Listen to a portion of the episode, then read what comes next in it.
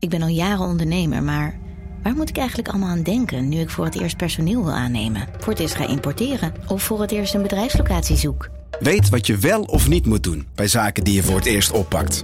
Check kvk.nl voor praktische stappenplannen. KVK, hou vast voor ondernemers. Al 125 jaar kwaliteit voor jou thuis met Miele. Dat vieren we met jou. Ontvang nu tijdelijk een cashback tot 125 euro op veel Miele-apparatuur. Geniet van de kwaliteit van Miele. Voor perfect verzorgd wasgoed en kleding die veel langer mooi blijft. Voor een stralend schone vaat, even perfect als jouw diners. En een stofvrij thuis waarin echt hygiënisch schoon de standaard is. Check miele.nl voor alle feestelijke aanbiedingen.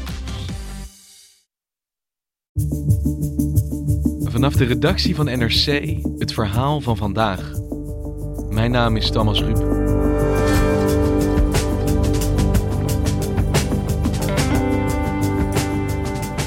Vandaag doet de rechter uitspraak in een opmerkelijke zaak. In 2013 overleed de 29-jarige Janneke van Erum in een GGZ-kliniek in Eindhoven. Haar ouders zagen het met haar steeds slechter gaan, maar de verpleegkundigen grepen volgens hen niet in. Het Openbaar Ministerie vervolgt niet de afzonderlijke artsen, maar de hele instelling. Hoe heeft dit kunnen gebeuren?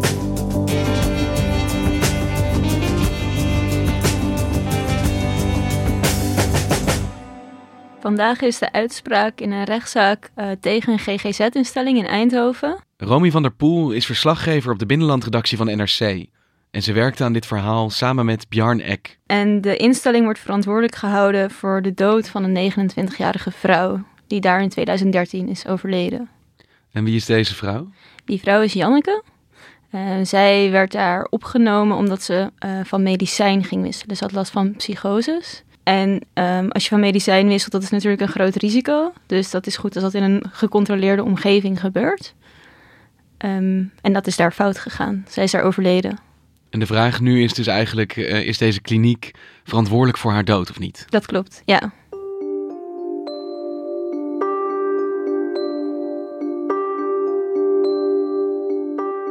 De ouders die vroegen of we langskwamen in Valkenswaard, waar ze in het huis, een 201 kap woning, waar ze al 30 jaar wonen. Wat hopen jullie uit het interview te halen? Dat de hele wereld hoort hoe ze ons behandeld hebben ja. en wat dus nooit meer mag gebeuren. Ze hadden een foto op tafel gezet van Janneke, een foto van haar van een vakantie in Istanbul in een zilveren lijstje. En op de uh, grond van de serre stond een, een koffer een koffer vol met papieren, allemaal documenten die ze de afgelopen vijf, zes jaar na haar dood hebben verzameld. En dat is inmiddels zoveel papierwerk dat daar een koffer voor nodig is om dat bijeen te houden. Ja, een soort reiskoffer vol met de documenten die ze de afgelopen jaren verzamelde.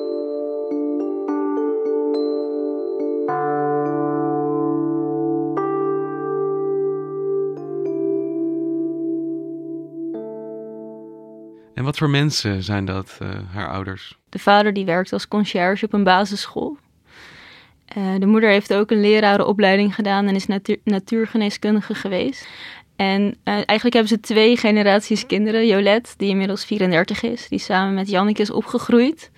En nog twee jongere kinderen die ze er een beetje buiten laten. En Janneke is de oudste van het gezin. En um, Janneke was heel sociaal. Ja. Een leuke meid, met krulletjes, die overal tussenuit schoten. ja. En um, ja, die overal humor van inzag. Janneke was altijd bezig met dat iedereen alles leuk vond. En wat haar ouders en Jolette ook zeiden, is dat ze heel veel lachte. Ze lachte eigenlijk altijd, ook als het helemaal niet gepast was om te lachen. Dan deed je iets wat eigenlijk op zich niet heel grappig was, maar dan lag ze al heel snel uh, in een scheur. Ja, dan ging je natuurlijk ontzettend overdrijven. of, uh, of iets uh, hè, super lang uittrekken wat je anders helemaal niet zou doen. Ja, ja dan lag, lag iedereen lag, lag dan helemaal dubbel. ja, en dat begon altijd bij Janneke. En hoe zij lachte, dat was ook heel aanstekelijk. Ja, echt. Um, en ze was heel bezorgd om anderen. En dat zei haar vader ook. Als je altijd bezorgd bent om anderen, dan maken de anderen zich altijd minder zorgen om jou.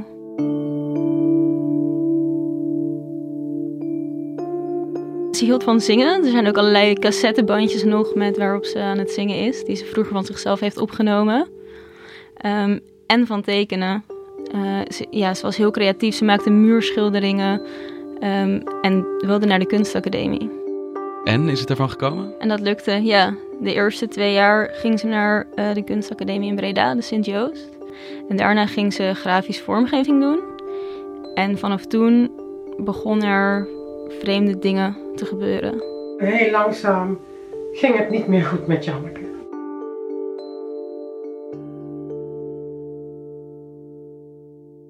Het begon met douchen.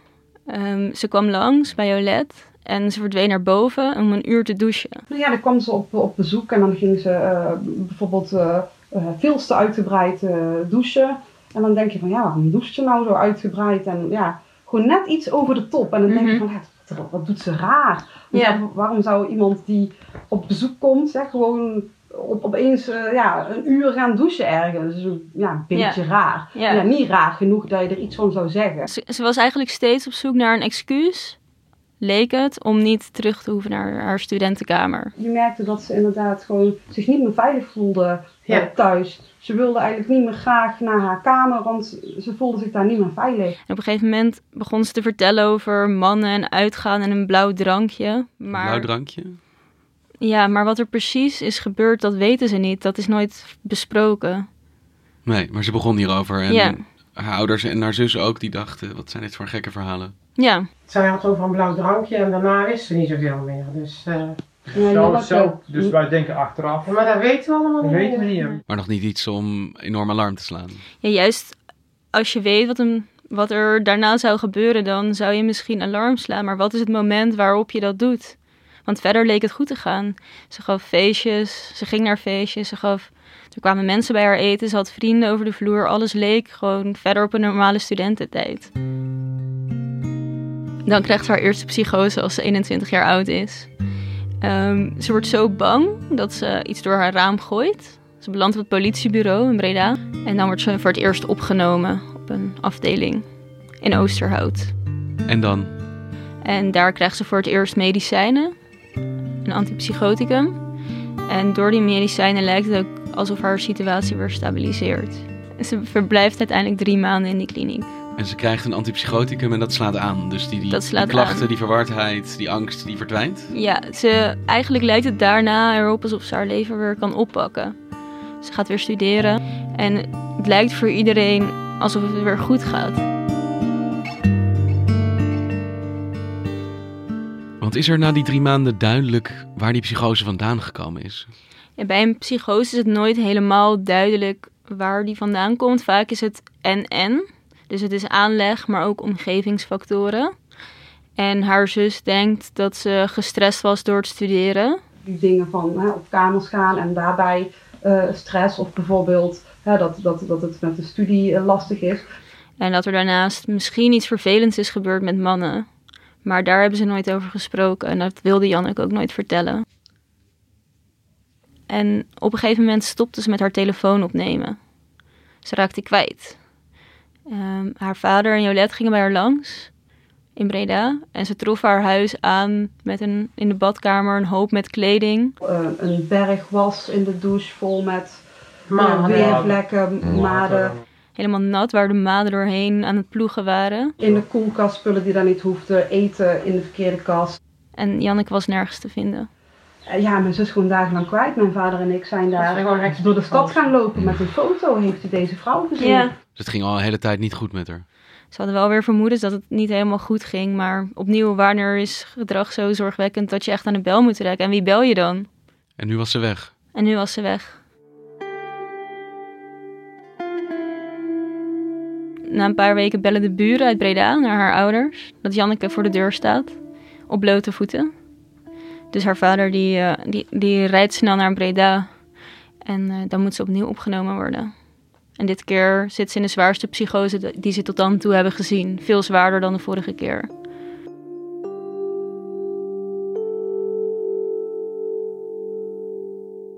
Voor de tweede keer komt ze dus in de instelling terecht. Ja, ze moet haar medicijnen weer nemen en gestabiliseerd worden. En dat gaat al vrij snel goed. Uh, dan wordt het regime iets minder streng. Uh, dus ze komt op de open instelling terecht. Daar verblijft ze een half jaar.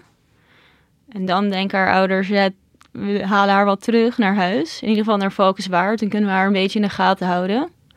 Dus als ze naar huis gaat, hebben ze een, uh, een flat voor haar geregeld. in de buurt van oma, zodat ze langs oma kan. En ze krijgt een hondje. Uh, Jeltje ja. is die genoemd. Jeltje. En ze ging dus elke dag drie keer per dag met de hond uh, wandelen.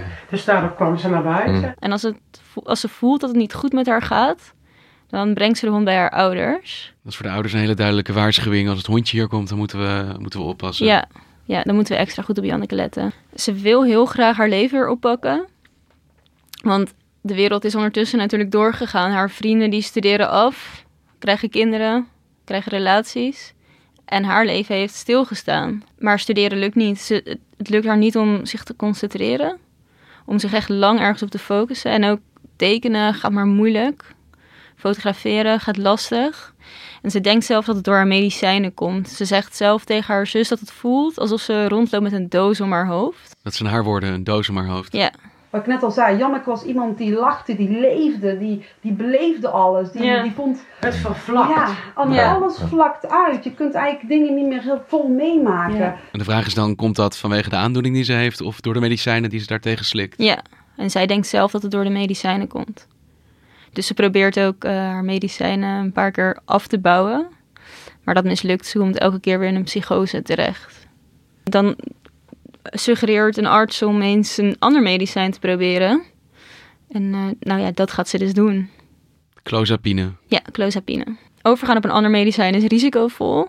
Dus dat moet in een kliniek gebeuren. In de buurt van Valkenswaard zit ook een instelling waar dat kan. Dus besluit ze daar naartoe te gaan. En hoe gaat dat daar? Nou, Janneke wordt daar opgenomen. Um, gezond. Relatief gezond. Echt met het idee, um, ik ga van medicijn wisselen en dan wordt het misschien beter. En in de kliniek gaat het eigenlijk al heel snel fout. Wat gaat er mis? Um, haar medicijn wordt heel snel afgebouwd. Het medicijn wat ze dan gebruikt. In drie dagen. Dus Janneke komt al heel snel in een psychose terecht. Een hele zware psychose. Haar ouders vergelijken het met die keer in Breda dat ze kwijt was. En na een paar dagen wordt ze ook nog eens lichamelijk ziek. Ze geeft over. Uh, ze ligt in bed. Ze voelt zich vreselijk. Um, en dan na een weekend, waar Jolette niet langs kon omdat ze een bruiloft had, komt ze de kliniek binnen en treft ze Janneke op een kaal matras aan. Ik trof Janneke aan op een kaal matras. Uh, zonder, zonder dekens of wat dan ook. Gewoon onder een zelf meegebracht vliesdekentje, een heel kleintje. Ze had uh, diarreevlek uh, op de broek en ook op de bed. Um, en uh, ja, was duidelijk, ze was gewoon hartstikke ziek. En in de hoek van haar kamer ligt een stapel met washandjes en handdoeken en beddengoed en kleding. Allemaal onder de diarree en onder de kots. Het stinkt vreselijk, de gordijnen zitten dicht, de ramen zitten dicht. Dus ze gebruikt het bezoekuur om de kamer zo goed als het kan schoon te maken. En ze dringt erop aan dat Janneke gezien wordt door een dokter. Um, maar als ze de volgende dag binnenkomt, is de kamer nog steeds vies. En Janneke is ook nog niet onderzocht. Dus Jolette beent opnieuw naar de verpleging en die zegt de kamer moet gepoetst worden en ze moet onderzocht worden. En wat zegt die verpleging daarop? Uiteindelijk uh, loopt er een co-assistent mee en die onderzoekt Janneke. En die concludeert dat ze buikgriep heeft. Janneke begint ook te klagen over kortademigheid. En in dat gesprek met de artsen dringen haar ouders en haar zus aan op onderzoek naar haar hart. En de arts zegt dat volgens Jolette toe. Alleen in het verslag dat in het medisch dossier staat, is daar niks over terug te vinden. Uh, wel staat er dat er is besproken dat haar ouders gaan helpen Janneke te activeren. Haar, vader gaat, zoals is afgesproken met de arts, gaat hij met haar zwemmen. En hij brengt haar s'avonds terug naar de kliniek. En hij ziet dat het niet goed met haar gaat. Ze is wit, ze is moe, ze is kortademig. Hij zegt tegen de verpleging: Het gaat niet goed, jullie moeten haar in de gaten houden. En zeggen we: zullen haar in de gaten houden. En op de terugweg in de auto belt hij weer. En toen, toen dacht ik: Ik bel nog een keer, want ik zit me niet lekker, weet je mm -hmm. niet. Hè? Ja. En uh, toen heb ik nog een keer gezegd: van, Denk eraan, het gaat echt niet goed. Ze moet echt nagekeken. En ja. nog eens een keer goed op nagedrukt dat, het, dat ze echt moest nagekeken. En hij zou het allemaal netjes doorgeven en ja. maar op. Dus ik denk van, hè, kan ik misschien toch nog een beetje rustig slapen, weet je wel. De volgende ochtend belt hij weer. Willen jullie uh, haar in de gaten houden? Hoe gaat het met haar? En ze vertellen dat het goed gaat, alleen ze moet wel haar kamer opruimen. En hij wil eigenlijk zo snel mogelijk langs, alleen hij moet met een ander kind naar een atletiekwedstrijd. Dus dat gaat niet meteen.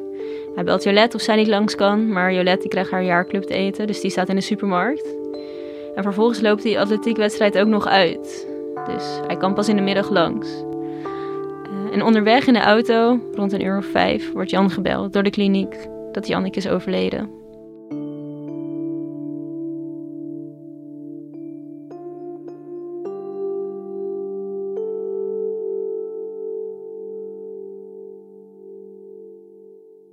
En wat is die doodsoorzaak?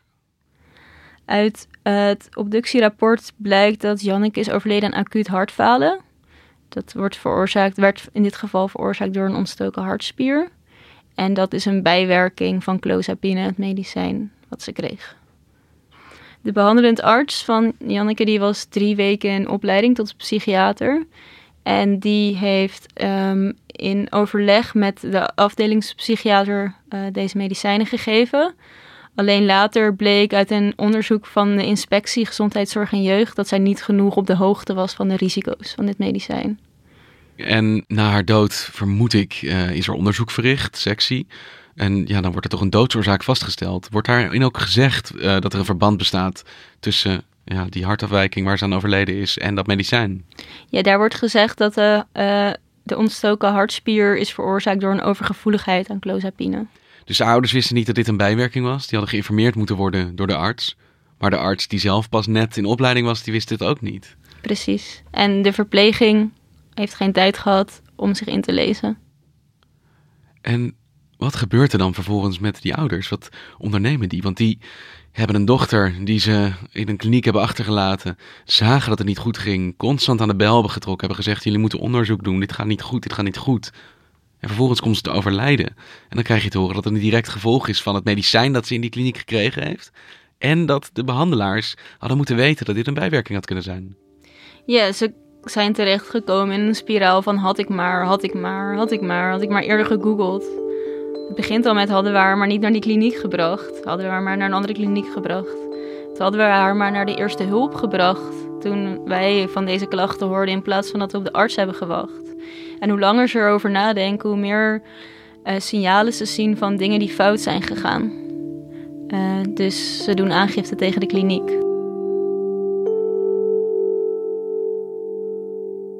Je hebt dus acht uur met de ouders van uh, Janneke doorgebracht. Um, heb je ook met de kliniek gesproken? Wat zeiden die hierover? De, ja, we hebben uiteraard ook met de kliniek gesproken en om wederhoor gevraagd. Uh, en ja, de kliniek, de woordvoerder van de kliniek zegt uh, dat voor hun de afgelopen periode ook heel erg intens is geweest. En dat de kliniek uit respect voor de betrokkenen de rechtszaak niet via de media wil overdoen.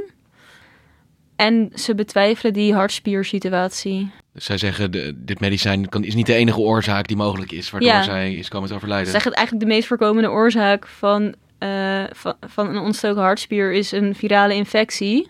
En daar is geen onderzoek naar gedaan. Dus ze trekken eigenlijk het oordeel van uh, de uh, patholoog-anatoom in twijfel. Inderdaad, ja. Het is wel heel uitzonderlijk dat een kliniek verantwoordelijk wordt gehouden voor zoiets. Het kan zijn de arts, de behandelend arts en uh, de afdelingspsychiater zijn in 2015 al berispt voor deze zaak. Uh, maar dat de hele kliniek verantwoordelijk wordt gehouden, dat is, is zeer uitzonderlijk. En de rechter gaat vandaag uitspraak doen, zeggen of die kliniek inderdaad verantwoordelijk is. Dat klopt, ja. Dat horen ze vandaag, de ouders, of dat inderdaad zo is.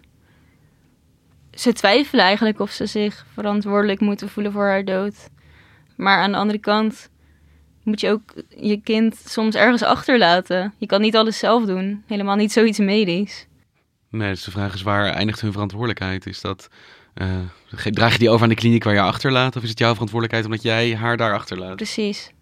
En ook omdat als die kliniek inderdaad verantwoordelijk blijkt, het niet meer hun schuld is. En ze dat misschien een klein beetje kunnen loslaten. Ze zeiden ook um, dat ze hopen dat ze die koffer na vandaag, na de uitspraak, eindelijk dicht kunnen doen.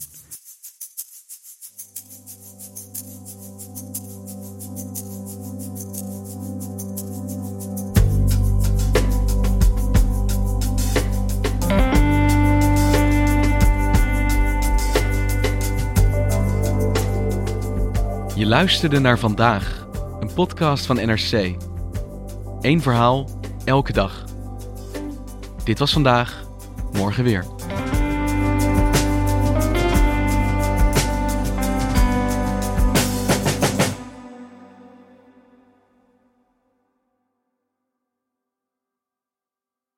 Technologie lijkt tegenwoordig het antwoord op iedere uitdaging. Bij PwC zien we dit anders. Als we de potentie van technologie willen benutten, kunnen we niet zonder een menselijk perspectief. Human-led, tech-powered noemen we dat. Ga naar pwc.nl.